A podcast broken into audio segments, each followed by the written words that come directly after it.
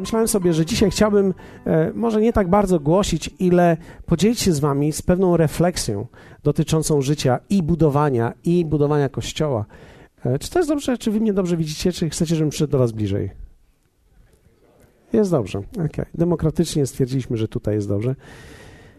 Pierwsza Mojżeszowa 11, 5, 9 jest taki fragment. Wtedy stąpił Pan. Kto z Was pamięta wieżę Babel? Wieżę Babel. Wszyscy wiemy od razu, historię znamy, tak? Wieża Babel. Wtedy stąpił Pan, aby zobaczyć miasto i wieżę, które zbudowali, którą budowali ludzie, i rzekł Pan: Oto jeden lud, i wszyscy mają jeden język, a to dopiero początek ich dzieła. Teraz już dla nich nic nie będzie niemożliwe, cokolwiek zamierzą uczynić. Przeto stąpmy tam i pomieszajmy im język, aby nikt nie rozumiał języka drugiego. I rozproszył ich Pan stamtąd po całej ziemi i przestali budować miasto. Dlatego nazwano je Babel, bo tam pomieszał Pan język całej ziemi i rozproszył ich stamtąd po całej powierzchni ziemi. Jeden z dylematów, które miałem, to jest to, że oni zaczęli budować miasto i wieże i okazuje się, że przestali budować miasto. Być może zbudowali fragment wieży, ale ich celem było zbudowanie miasta, zbudowanie miejsca pewnej siedziby. I Bóg przychodzi i zsyła na nich pomieszanie języków. Także mieli jeden język, mieli jeden cel i miesza ich język. To jest bardzo ciekawe, ponieważ Bóg rzadko kiedy uderza w jedność. Ale to mówi mi tylko jedno, że jedność jest tak potężna, że kiedy dwóch zgromadzi się, aby zrobić coś złego, uda im się. Dlatego, że jest siła synergii. Czasami myślimy, że kiedy coś jest złe, to się nie uda. Uda się, kiedy jest zgoda między tymi, którzy to robią. I teraz Bóg przychodzi i uderza w tą jedność i miesza ich język. I kiedy miesza ich język, oni przestają budować, bo nagle nie potrafią się zrozumieć. To jest bardzo ciekawy fragment dotyczący w ogóle wszystkiego. Za każdym razem, kiedy mamy pomieszany język albo nie rozumiemy się, nie możemy nic wspólnie razem zbudować, to zabiera wiele lat, żeby małżeństwo wspólnie razem budowało coś. Dlatego, że my zaczynamy od pomieszanych języków. Nam się wydaje, że my zaczynamy od języków, które rozumiemy, ale tak naprawdę nie. My się uczymy swoich języków. My się uczymy swoich języków przez lata, aż do miejsca, do którego dojrzewamy do pełnej harmonii. Dlatego nic dziwnego jest, że ludzie, którzy są młodzi, mają konflikty. Młodzi ludzie muszą mieć konflikty, dlatego że nie tylko mają swoje ego, ale również nie rozumieją siebie nawzajem. Im bardziej dojrzewamy, tym bardziej rozumiemy się. I rozumiemy swoje problemy, rozumiemy swoje bóle. Ale Bóg przyszedł wtedy, aby pomieszać ich język. Bóg nigdy później tego więcej nie zrobił, ale raz zrobił. Była pewna przyczyna, dla której to zrobił. Między innymi taka, że Bóg nie chce, aby cokolwiek, cokolwiek jest zrodzone z ciała, dotarło do nieba i ustanowiło coś na ziemi. Bóg nigdy nie chciał tego. Dlatego między innymi usunął Adama i Ewę z ogrodu, ponieważ on nie chciał, żeby teraz w tym stanie, w którym oni byli i zjedli owoc z drzewa poznania dobra i zła, żeby przez przypadek nie zjedli owocu z, z drzewa życia. Bo gdyby zjedli teraz owoc z drzewa życia, to pozostaliby w tym stanie, w którym byli, czyli w stanie grzechu na wieki. Teraz Bóg pomieszał im te języki, aby nigdy nie sięgnęli nieba i nie ustanowili tego jako rzeczywistości na wieki. I teraz mamy kolejny fragment. Dzieje apostolskie 2, 1, 6. Większość z Was pamięta, to jest dzień zesłania Ducha Świętego, dzień Pięćdziesiątnicy. A gdy nadszedł dzień Zielonych Świąt, byli wszyscy razem na jednym miejscu i nagle powstał z nieba szum, jakby wyjącego gwałtownego wiatru i napełnił cały dom, gdzie siedzieli. I ukazały się im języki jakby z ognia, które się rozdzieliły i usiadły na każdym z nich i napełnieni zostali wszyscy Duchem Świętym i zaczęli mówić innymi językami, tak jak im Duch poddawał. A przebywali w Jerozolimie Żydzi, mężowie nabożni spośród wszystkich ludów, jakie są pod niebem. Gdy więc powstał ten szum, zgromadził się tłum i zatrwożył się, bo każdy, zobaczcie, każdy słyszał ich mówiących w swoim języku. Mamy dwa fragmenty, dwa zupełnie różne. Pierwszy fragment to jest, kiedy Bóg przychodzi i miesza język i sprawia, że ludzie się nie rozumieją. I mamy dzieje apostolskie, kiedy Duch Święty przychodzi, przychodzi po raz pierwszy w taki sposób na ziemię i tą rzecz, którą robi, napełnia ich duchem, tak że ludzie zaczynają wychodzić z wieczernika, służą innym w swoim darze i ludzie zaczynają je nagle rozumieć. Wszyscy ich zrozumieli. Bardzo interesujące zestawienie, dlatego że pierwsze mówi o tym, że Bóg przyszedł, aby ich pomieszać, pomieszać ich język, i drugie to jest przyszedł Duch Święty, aby mogli połączyć swój język, aby mogli się w końcu zrozumieć. I niektórzy ludzie nie rozumieją tego i mówią, szczególnie ci, którzy nie wierzą w Ducha Świętego, mówią tak, a po cóż nam języki dzisiaj i mówienie takie mamrotanie, ba ba ba ba ba ba ba ba ba ba ba ba ba ba ba Przecież nikt i tak tego nie rozumie, a w takim razie Bóg nie może stać za tym. To nie jest prawda. Pomiędzy wersetem czwartym i wersetem piątym musiało się coś stać. Dlatego, że napełnieni zostali Duchem Świętym i zaczęli mówić innymi językami, tak jak im Duch poddawał. Gdzie? W wieczerniku. Ale oni z tego wieczornika musieli wyjść. Jako napełnieni Duchem Świętym musieli wyjść i musieli zacząć przemawiać w duchu. Prawdopodobnie były to dary proroctwa w duchu i dary tłumaczenia języków w duchu.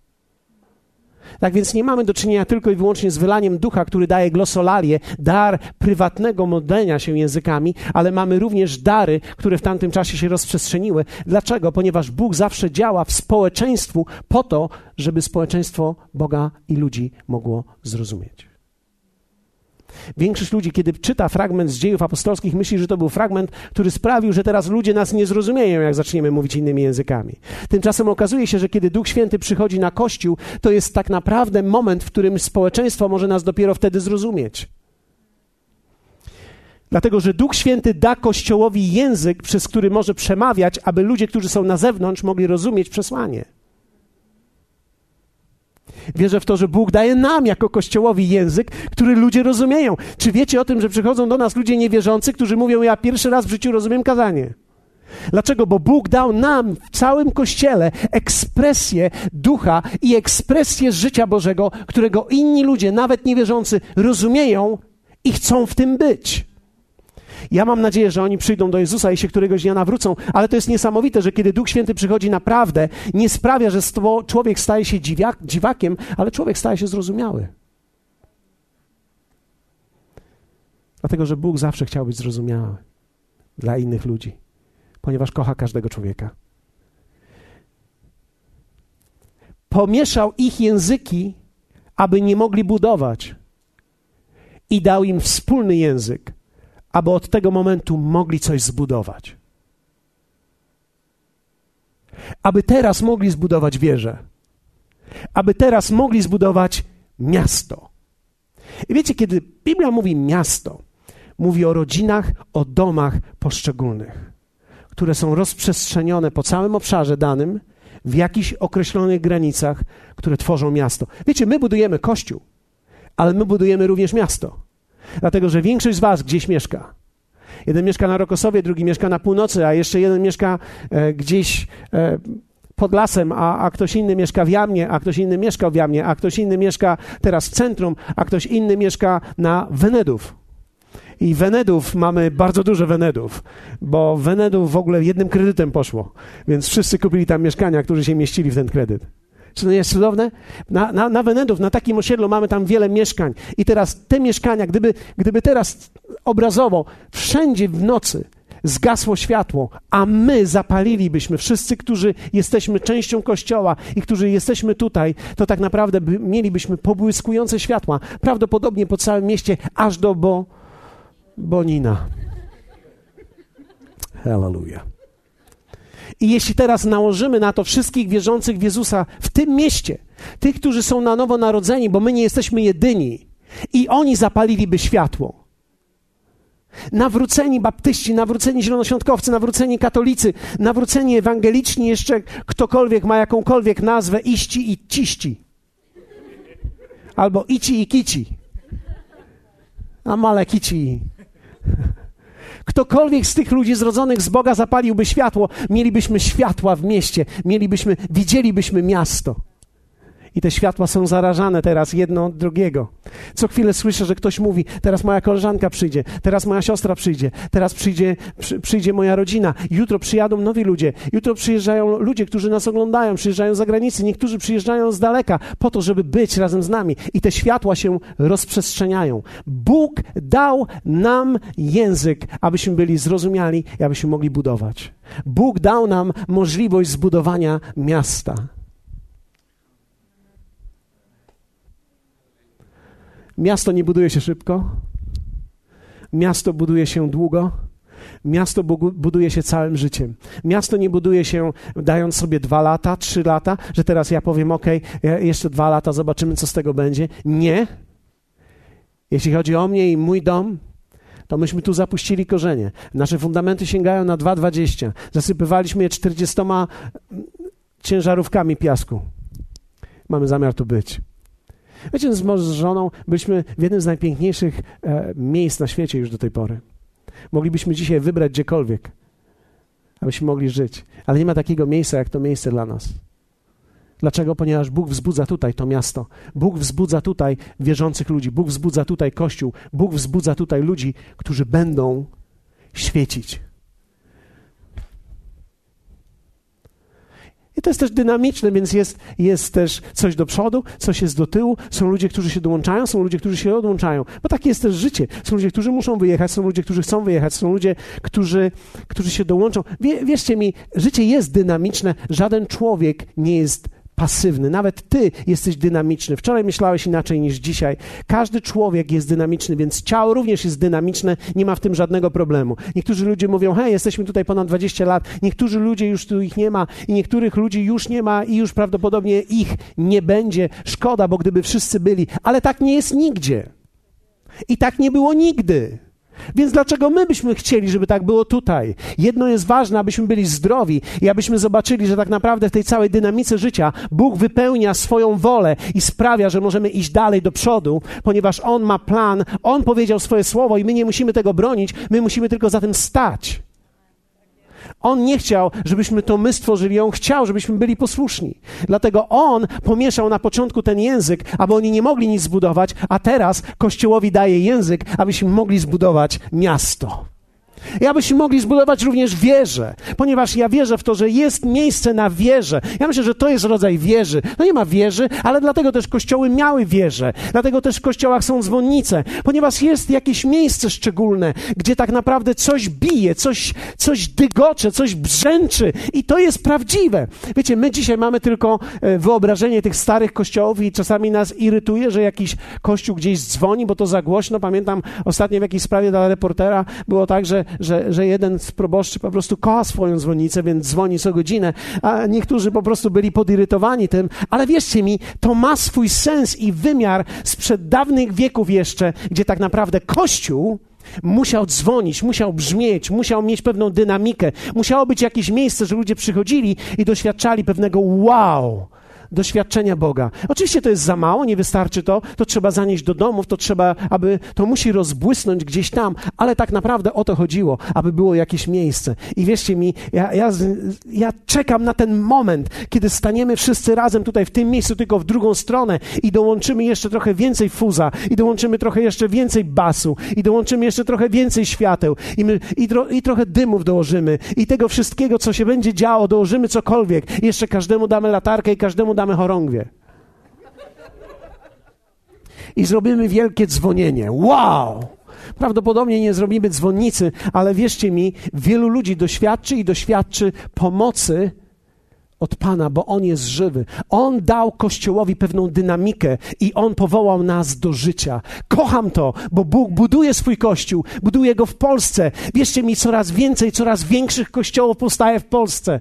Teraz w przyszłym miesiącu pastor z Warszawy jedzie między innymi do Stanów, żeby szukać pożyczki, gdziekolwiek się da, żeby dokończyć, zakupić budynek, który mają w Warszawie możliwość zakupienia. Sami zebrali 600 tysięcy w przeciągu jednego miesiąca. Hallelujah. A muszą zapłacić 7 milionów i, i my dopingujemy im, żeby mogli. Ponieważ jestem przekonany, ostatnio jeden z biznesmenów powiedział tak, pastorze, w razie czego ja mam jeszcze półtora miliona, jakbyś chciał, to jest. I wiecie, niektórzy ludzie myślą sobie, a z czego robimy tu wielki wiwat? Przecież tu chodzi o ludzi, tu, tu po co nam budynki? Budynki są bardzo ważne, ponieważ budynki również świadczą o pewnym terytorium duchowym. Powiem wam później, dlaczego to jest ważne, ale to może przy kakao i, i, i już drożdżówce, jak już pójdziemy tam, bo widziałem, że kupili drożdżówkę dzisiaj, a ja bardzo lubię tę drożdżówkę. Drożdżówka jest w ogóle symbolem naszego kościoła. Za za, za każdym razem, kiedy się coś niesamowitego dzieje, kupujemy drożdżówkę. Nie wiem, co jest takiego w drożdżach, co my chcemy zrobić, ale. Je... Chcemy rosnąć! Więc pamiętajcie, aby każdy z Was dzisiaj zażył drożdży, abyście, abyśmy jutro, kiedy tutaj przyjdziemy, wagowo byli lepsi. W Mateusza 16, 18 Jezus powiedział tak: A ja ci powiadam, że ty jesteś Piotr, i na tej opoce zbuduję kościół mój, a bramy piekielne nie przemogą go. Jezus obiecuje i powiedział tak: Ja, ja jestem w biznesie budowania. Jezus nie miał na myśli zrobienia wielkiej służby. Jezus, Jezus przyszedł i, i Jezus pomyślał, Jezus powiedział tak, ja zostawię im zaczyn, ja zostawię im drożdże i na tym będą mogli budować. Ja w nich to wrzucę. I tym czymś było objawienie, które stało się skałą prawdziwą, na której można coś zbudować. Nie człowiek, który jest słaby, ale prawdziwa skała, która przetrwała do dzisiaj, ponieważ jak ziemia jest szeroka, a wierzcie mi, jest szeroka.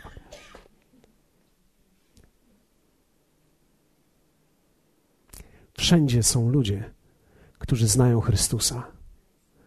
I poznajemy się czasami w bardzo ciekawy sposób.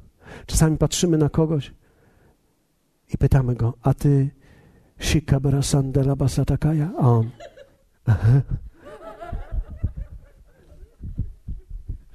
Nie znamy żadnego innego języka między sobą.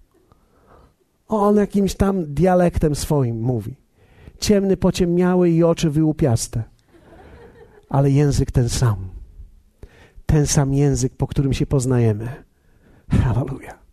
Apostoł Paweł w liście do Efezjan mówi tak: Tak więc już nie jesteście obcymi i przechodniami, lecz współobywatelami świętych i domownikami Boga. Zbudowani, zobaczcie to słowo, zbudowani na fundamencie apostołów i proroków, którego kamieniem węgielnym jest sam Piotr. Nie, Chrystus Jezus, na którym cała budowa mocno spojona rośnie w przybytek święty w Panu, na którym i wy wespół, ja nie lubię tego słowa wespół, bo to takie wespół, nie, nie wiem co to jest czasami, wespół, muszę sobie sam tłumaczyć, nie wiem czy wy sobie musicie też tłumaczyć wespół, ja, razem, między sobą, siebie nawzajem budujecie na mieszkanie Boże. My siebie budujemy nawzajem. Budujemy siebie nawzajem na mieszkanie Boże w duchu. I on ustanowił dalej, Efezjan 4, jednych apostołami, drugich prorokami, innych ewangelistami, a innych pasterzami i nauczycielami, aby przygotować świętych do dzieła posługiwania, do budowania ciała Chrystusowego. Do budowania. Do budowania. Powiedzcie razem do budowania. Wiecie, to jest niesamowite, do budowania. My jesteśmy do budowania. On przygotowuje wszystko do budowania. Jeśli się trochę podekscytuję dzisiaj, ja do jutra wystygnę, nie martwcie się. Jak ktoś z was przyprowadzi jutro znajomych, ja jutro będę, stu... ja będę wystygnięty. Ja będę jutro już zimniutki. Nie chcę powiedzieć, że będę sztywny, ja chcę powiedzieć, że będę zimny. Aż dojdziemy wszyscy do jedności wiary i poznania Syna Bożego, do męskiej doskonałości i dorośniemy do wymiarów pełni Chrystusowej. Inaczej mówiąc, dary, które są, są do tego, abyśmy byli gotowi do budowania. Budowanie, budowanie. Wiecie, całe życie to budowanie jest. Budowanie jest jedyną opcją życia. Jedyną opcją życia. Zobaczcie, życie zaczyna się od jednej komórki. Jedna komórka. Za chwilę patrzysz na ten obrazek i las, dwie. Patrzysz na ten obrazek, cium, cztery. Potem osiem, szesnaście. 32, 64. N. Razy N do X. A potem jesteś ty. Ła! Ła! Coś cię zbudowało. Coś cię uczyniło. Bóg pokazuje, jak jest wierny w budowaniu. Wszystko, cokolwiek jest w wymiarze tutaj ziemskim, jest budowane, jest ciągle budowane, coś się tworzy. Nawet kamienie nie są takie same, się tworzą, przenikają i mamy później skamielinę, która tak trwa, trwa, trwa i mówią nam, że to miliardy lat. No, no okej, okay, niech będzie, że miliardy. Ja nie wierzę im, ale niech będzie, że miliardy, niech będzie, że miliardy. Trwa, trwa, taki kamyk, kamyk. Najpierw i później nagle diament. Trzy karaty. A nie mam, nie patrzcie, ale to tylko przykład. Tylko przykład. Diament. Diament też powstaje. Diament nie został stworzony, on powstaje. Wszystko, cokolwiek jest w ziemi, powstaje oczywiście trochę dłużej niż normalnie, ale powstaje. Rośliny powstają, budują się. Wszystko, cokolwiek jest w życiu, wymaga budowania. Budowanie jest jedyną opcją życia. Wiecie, jedną z, z najstraszniejszych rzeczy, którą się dowiaduje, to jest kiedy człowiek żyje i niczego nie buduje. Nie buduje domu, nie buduje życia, nie buduje firmy, nie buduje zasobów, nie buduje finansów, nie buduje swojego poznania, nie buduje zrozumienia, nie buduje mądrości hoduje tylko. Człowiek został powołany do budowania, a nie do hodowania. Chyba, że hodowlane rzeczy mają budować Twoją przyszłość. Więc jeśli jesteś hodowcą, forgive me. Budowanie jest jedyną opcją życia. To jest jedyna opcja życia. Bóg powołał nas tutaj do budowania. My nie jesteśmy tutaj trzutko mało, aby przetrwać 50 lat i za 50 lat będziemy świętować. Zwyciężyliśmy, 50 lat wytrwaliśmy. Nienawidzę tej koncepcji w ogóle. Jak my mamy śpiewać, jak my, jak my mamy śpiewać za 50 lat te same piosenki, wyglądać tak samo, tylko no, wyglądać to tak samo, to już nikt z nas nie będzie. Niektórzy z nas nawet już nie będą wyglądać. Niektórych z nas już nie będzie. Ale wiecie, jeśli za 50 lat to, co tutaj jest, przyjdą i będą teraz, ta, ta młodzież, która będzie miała dzieci, które będą miały dzieci, i teraz oni przyjdą i będą te krzesełka niebieskie odkurzać i mówią, pra, pra, pra, dziadek tutaj siedział. To myśmy niczego nie zrobili. To myśmy niczego nie zrobili. My, my musimy budować życie w pewnej dynamice. W pewnej dynamice w dynamice takiej, że tak naprawdę co trzy lata, jeśli odpadniesz z kościoła i za trzy lata wrócisz, przyjdziesz, tego nie poznasz. Dlaczego? Bo my co trzy lata wymieniamy wszystko. Piu, stare wyciągamy, nowe wyciągamy, w leasing co prawda, ale idziemy dalej. Jesteście ze mną? Dlaczego? Bo życie to budowanie jest. Nie można przez 20 lat, co robiłeś? A, byłem. Budujemy. Budujemy siebie nawzajem, budujemy swoje życie, budujemy nasze życie, bo budowanie jest jedyną opcją życia. Budowanie jest zawsze większe niż ja sam jestem. Dlatego właśnie to, to jest więcej niż hodowanie tego z przodu. To, bo, bo chodzi o to, żeby w budowaniu pozostawić coś, ponieważ ono zawsze jest większe niż tylko ja sam. Zwróćcie uwagę, gdy kupuje człowiek mieszkanie, młodzi ludzie, gdy kupują mieszkanie, zawsze kupują o rozmiar większy, nie ten sam. Dlaczego? No bo, bo większość ludzi myśli, tak? Jeśli teraz kupię, to nie kupię jeden, poproszę pokój. E, ile ja potrzebuję? No tak, dwa na trzy. Nie za dużo, przecież ja jak się położę, to tyle nie sięgam. Więc tak, dwa i pół na dwa i pół. I wysoki wystarczy na dwa i pół, bo zrobię sobie taki pawlacz naokoło i wszystkie tam rzeczy powieszę. A poza tym nie potrzebuję dużo. Nikt z nas tak nie robi. A toaleta? Przecież toaleta nie musi być większa niż 60. 60 na 120 prawda? Nie, nie musi być większa niż 60, niż 120, więc taki rozmiar robię. Nie. Zwróćcie uwagę, młodzi ludzie, gdy kupują mieszkanie, mówią tak, a teraz będziemy mieli dzieci, i dwa psy, i trzy koty, i będziemy mieli jeszcze papuszki, i akwarium, i to wszystko wymaga miejsca, i to wszystko wymaga, to wymaga silnika, to wymaga od, od swoich rzeczy, więc Większość ludzi, wiecie, ja, ja rozumiem tych, którzy zmniejszają swoje mieszkanie, bo wiedzą, że dzieci pójdą i to jest w porządku, ale rozumiem też, że my normalnie w życiu, jeśli normalnie jesteśmy, to chcemy dodawać. Zawsze człowiek powinien, zawsze człowiek chciałby mieć ten jeden pokój więcej. Ci, którzy zrobią życie na wymiar, wiedzą, że zawsze brakuje tego jednego pokoju.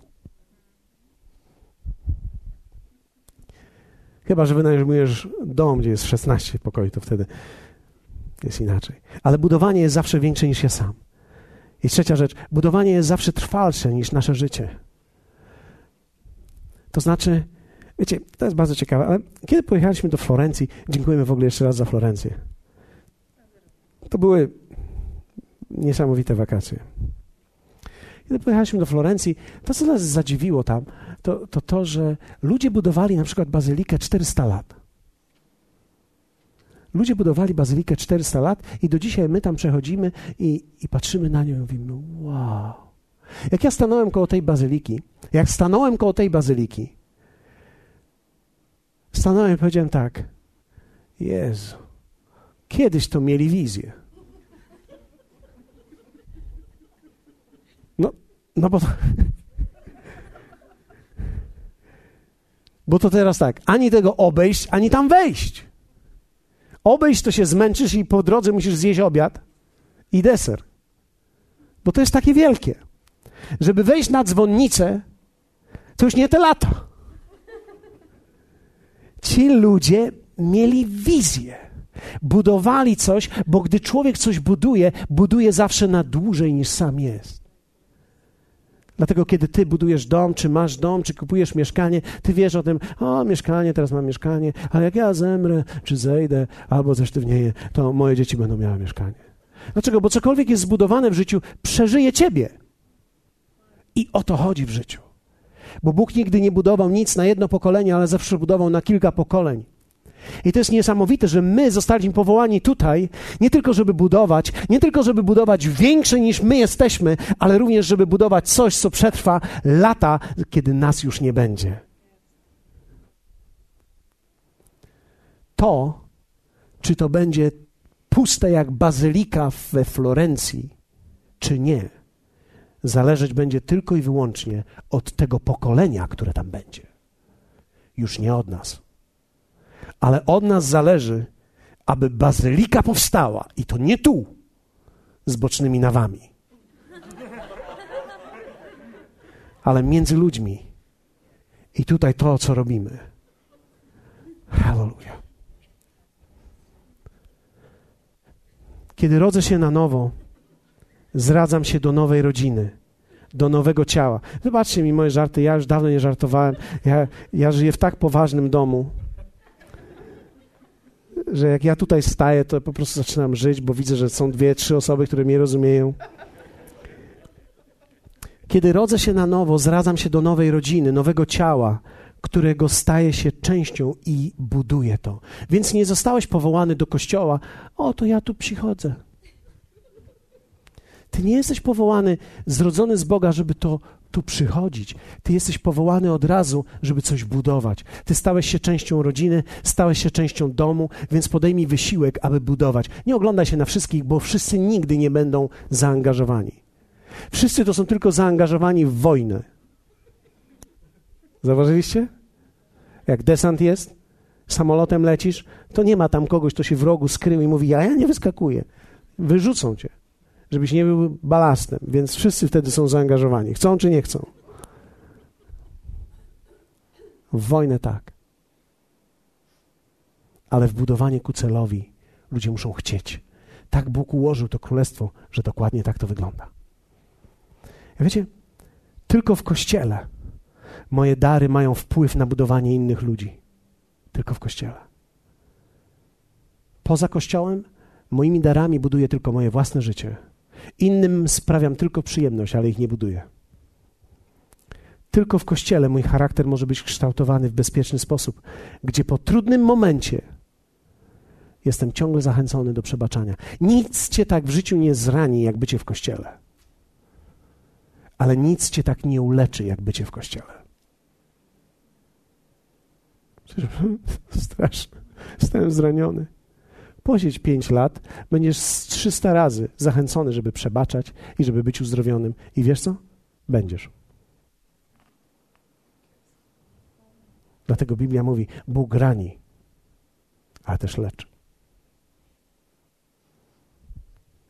Tylko w kościele mogę stanąć w prawdzie jako człowiek, jako witalna cegła budująca nie tylko swoje życie, ale również i życie innych.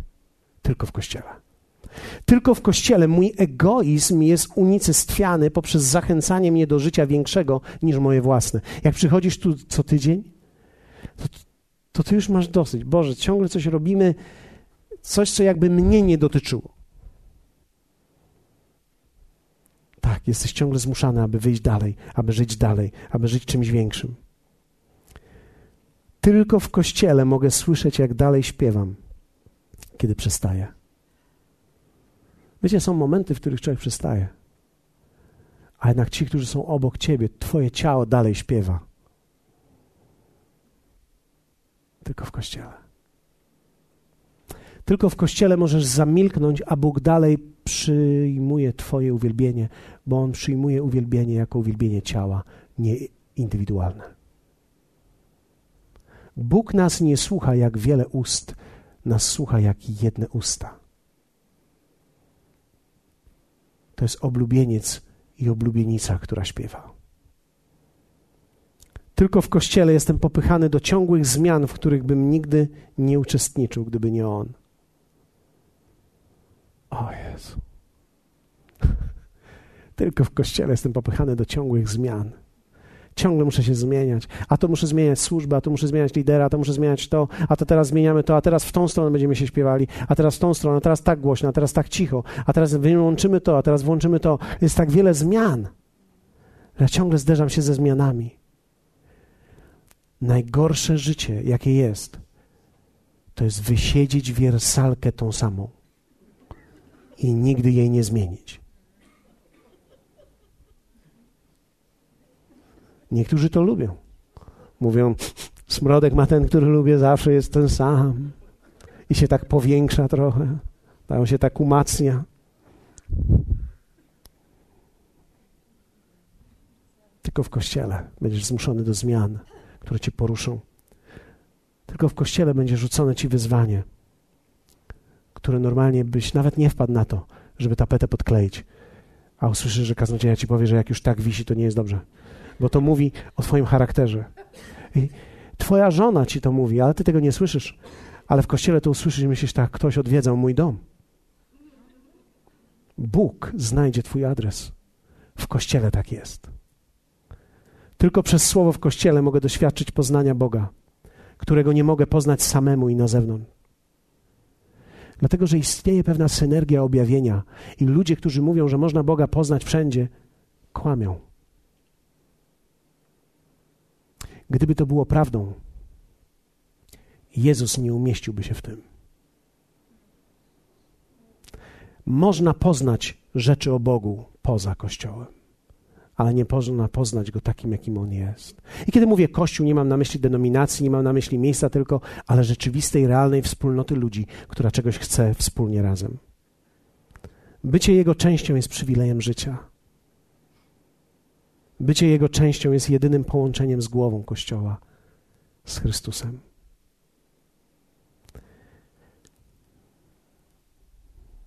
Jeden z największych przywilejów, jaki trafił mnie, to jest być częścią Kościoła i wspólnoty. Zażyłem już tego od momentu wspólnoty oazowej, aż trwa to do dzisiaj. To samo uczucie, to samo przeżycie, to samo doświadczenie wspólnoty z ludźmi. Inna tak, inny kolor, inna muzyka, inne rzeczy. To się ciągle zmienia, ja sam nie nadążam. Jak mam powiedzieć zespołowi, żeby zaśpiewali tą piosenkę, to nie wiem którą, bo nie wiem, jaką oni śpiewali. I jak ona się nazywa. I to jest w porządku. Mogę zawsze powiedzieć to, tą drugą. A oni mówią wtedy, a, for this cause. A wtedy w myślach moich cały się w nas. For this cause. Nic nie rozumiem.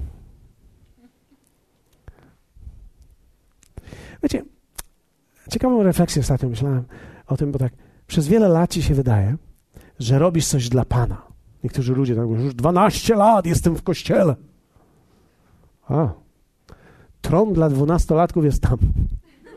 Będziemy trony kłaść. Ja już 20 jestem. Ja cię mogę ukoronować. Przynieś mi swoją koronę. Wiecie, rzeczywistość jest jednak taka, przez wiele lat ci się wydaje, że robisz coś dla Pana, że robisz coś dla ludzi, że ciągle dla ludzi coś robisz, ale na końcu widzisz, że czyniąc to, uczyniłeś coś naprawdę wielkiego dla samego siebie. Że ratując ludzi, uratowałeś siebie. Że uratowałeś swój dom, że uratowałeś swoich przyjaciół, swoją rodzinę, nawet tą dalszą. Nawet tą dalszą. Ostatnio w wakacje mieliśmy Asi kuzyna, który przyjechał, który się nawrócił. Kto by przypuszczał?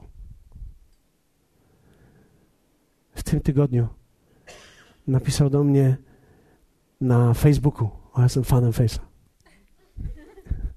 Nie jestem. Na Facebooku napisał do mnie mój kuzyn z Zielonej Góry. Napisał do mnie, Paweł, ostatnio coś się zacinają twoje kazania na internecie.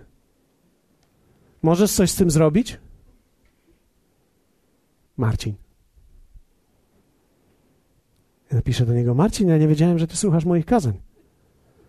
A on mówi, no. Chłopak jest młody, ma dopiero 30 parę lat. Więc dla mnie jest młody Jinx, dopiero życie zaczyna. Ja piszę do niego, co myślisz o tym?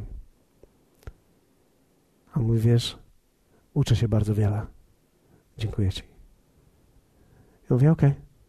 Niedługo będę tamtędy przejeżdżał, więc może wpadnę do ciebie na kawę. Super. I wiecie co? To nie ja, to Pan wypełnia swoje przymierze, które zawarł ze mną. Będziesz zbawiony ty i twój dom. Bóg będzie rozprzestrzeniał się. Nawet w twojej rodzinie i w twoim domu. Większość z mojej rodziny dalszej nie chciała ze mną rozmawiać, szczególnie po ślubie, który mieliśmy bezalkoholowym. Powiedzieli, jak się nie napijemy, to z tobą nie gadamy. I niektórzy nie gadają do dzisiaj, ale niektórzy z nich zaczynają. I ja myślałem, że ratuję ludzi, pomagam innym, ofiarowuję siebie, robię coś dla Pana i nie wiedziałem, że w tym samym czasie uratowałem swoje życie, uratowałem swój dom. Uratowałem siebie prawdopodobnie przed wszystkimi rzeczami, które mogły mi się wydarzyć. Uratowałem nasze małżeństwo, uratowałem nasze dzieci. E, teraz się same muszą ratować, ale, ale do momentu, w którym, w którym były ze mną, zostali uratowani.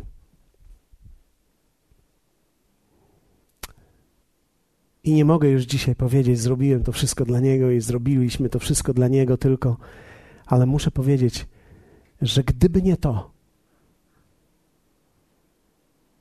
nigdy bym siebie nie znalazł, odnalazł i nigdy bym sam nie mógł stanąć przed Wami i powiedzieć najlepszy wybór, jaki człowiek może podjąć to jest służyć Jemu i oddać Mu całe swoje życie. Nie żałuję dzisiaj niczego. Nie żałuję ani czasu, który tu spędziłem. Nie żałuję ani pieniędzy, które wydałem i włożyłem tutaj. Nie żałuję niczego. Jedyne co, to myślę, że mogłem zrobić więcej. Czasami napada mnie to. Ale myślę sobie, że ponieważ jeszcze nic nie skończyłem, a czuję się tak, jakbym dopiero zaczynał. Straszne uczucie. Jak już w czymś jest tak długo, a ciągle zaczyna. Przypomina mi się wtedy ta nasza piosenka oazowa, ciągle zaczynam od nowa. Najlepsza rzecz, jaka się przytrafiła. I o Abrahamie jest powiedziane, oczekiwał bowiem miasta, mającego mocne fundamenty, którego budowniczym i twórcą jest Bóg. Dzisiaj wierzę w to, że Bóg zaprasza nas wszystkich do budowania. Sensu budowania. Nie ma innej woli Bożej jak budować Jego Kościół. Nie usłyszycie tego zbyt wiele, bo dzisiaj o Kościele jest wiele różnych opinii. A Stephen Matthew, który miał być tutaj z nami, ma zabieg w poniedziałek, więc nie mógł być i musiał się przygotować do tego zabiegu, ale powiedział, że natychmiast jak tylko będzie po, da nam znać, kiedy może przyjechać. A on pisze o budowaniu kościoła. I wiecie, kiedy on pisze o budowaniu kościoła, zachęcam, jeśli nie czytałeś tej książki, dzisiaj jest dostępna ona w księgarni, ale muszę powiedzieć wam, że kiedy czytam tego człowieka, to ja nie, nie czytam technologii budowania. Jest tam wiele instrukcji, ale czytam o człowieku, który ma pasję i który rozpoznał. I dzisiaj tysiące ludzi młodych w Bradford, tysiące, już nie setki, tysiące ludzi młodych w Bradford. Z powodu tego, że było pokolenie takie jak Paul Scanlon i pokolenie takie jak, jak Stephen Matthew, które zaraziło ich, że jedyny ratunek dla nas to jest budować Jego Kościół. Bo budując Jego Kościół, budujemy nasze życie. Moje życie jest zbudowane. Mój dom, moja rodzina jest zbudowana, ponieważ moje życie poświęciłem w to. I to nie jest coś wielkiego, to nie jest coś chlubnego, to jest jedyny sens życia. Teraz mieliśmy okazję popłynąć dużym statkiem, dużą łódką. Duża łódka była. I kiedy tą dużą łódką płynęliśmy, siedziałem sobie rano o siódmej, patrzyłem na wschód słońca. Patrzyłem na wschód słońca i myślałem o tych ludziach, których w nocy widziałem, którzy poszli na tą łódkę po to tylko, żeby się zamknąć na tej łódce na parę dni i pić. Bo życie bez Boga nie ma sensu. Ludzie, którzy w Casino Royale przegrywają tysiące dolarów w jeden wieczór. Bo życie nie ma sensu bez Boga. Ludzie, których stać na bardzo wiele, ale którzy w środku są puści, bo nie ma sensu życie bez Niego. I pomyślałem sobie, że mimo to, iż ulokowano mnie w najniższej kabinie pod dziobem, zaraz nad silnikiem, i miałem takie okno wielkie, przez które na szczęście nie patrzyłem na ryby, tylko na świat. Wystawało trochę nad wodę. I do normalnych ludzi miałem 11 pięter windą. to jednak czułem się szczęśliwy, ponieważ czułem się zaangażowany w coś wielkiego tutaj i czuję się częścią tego.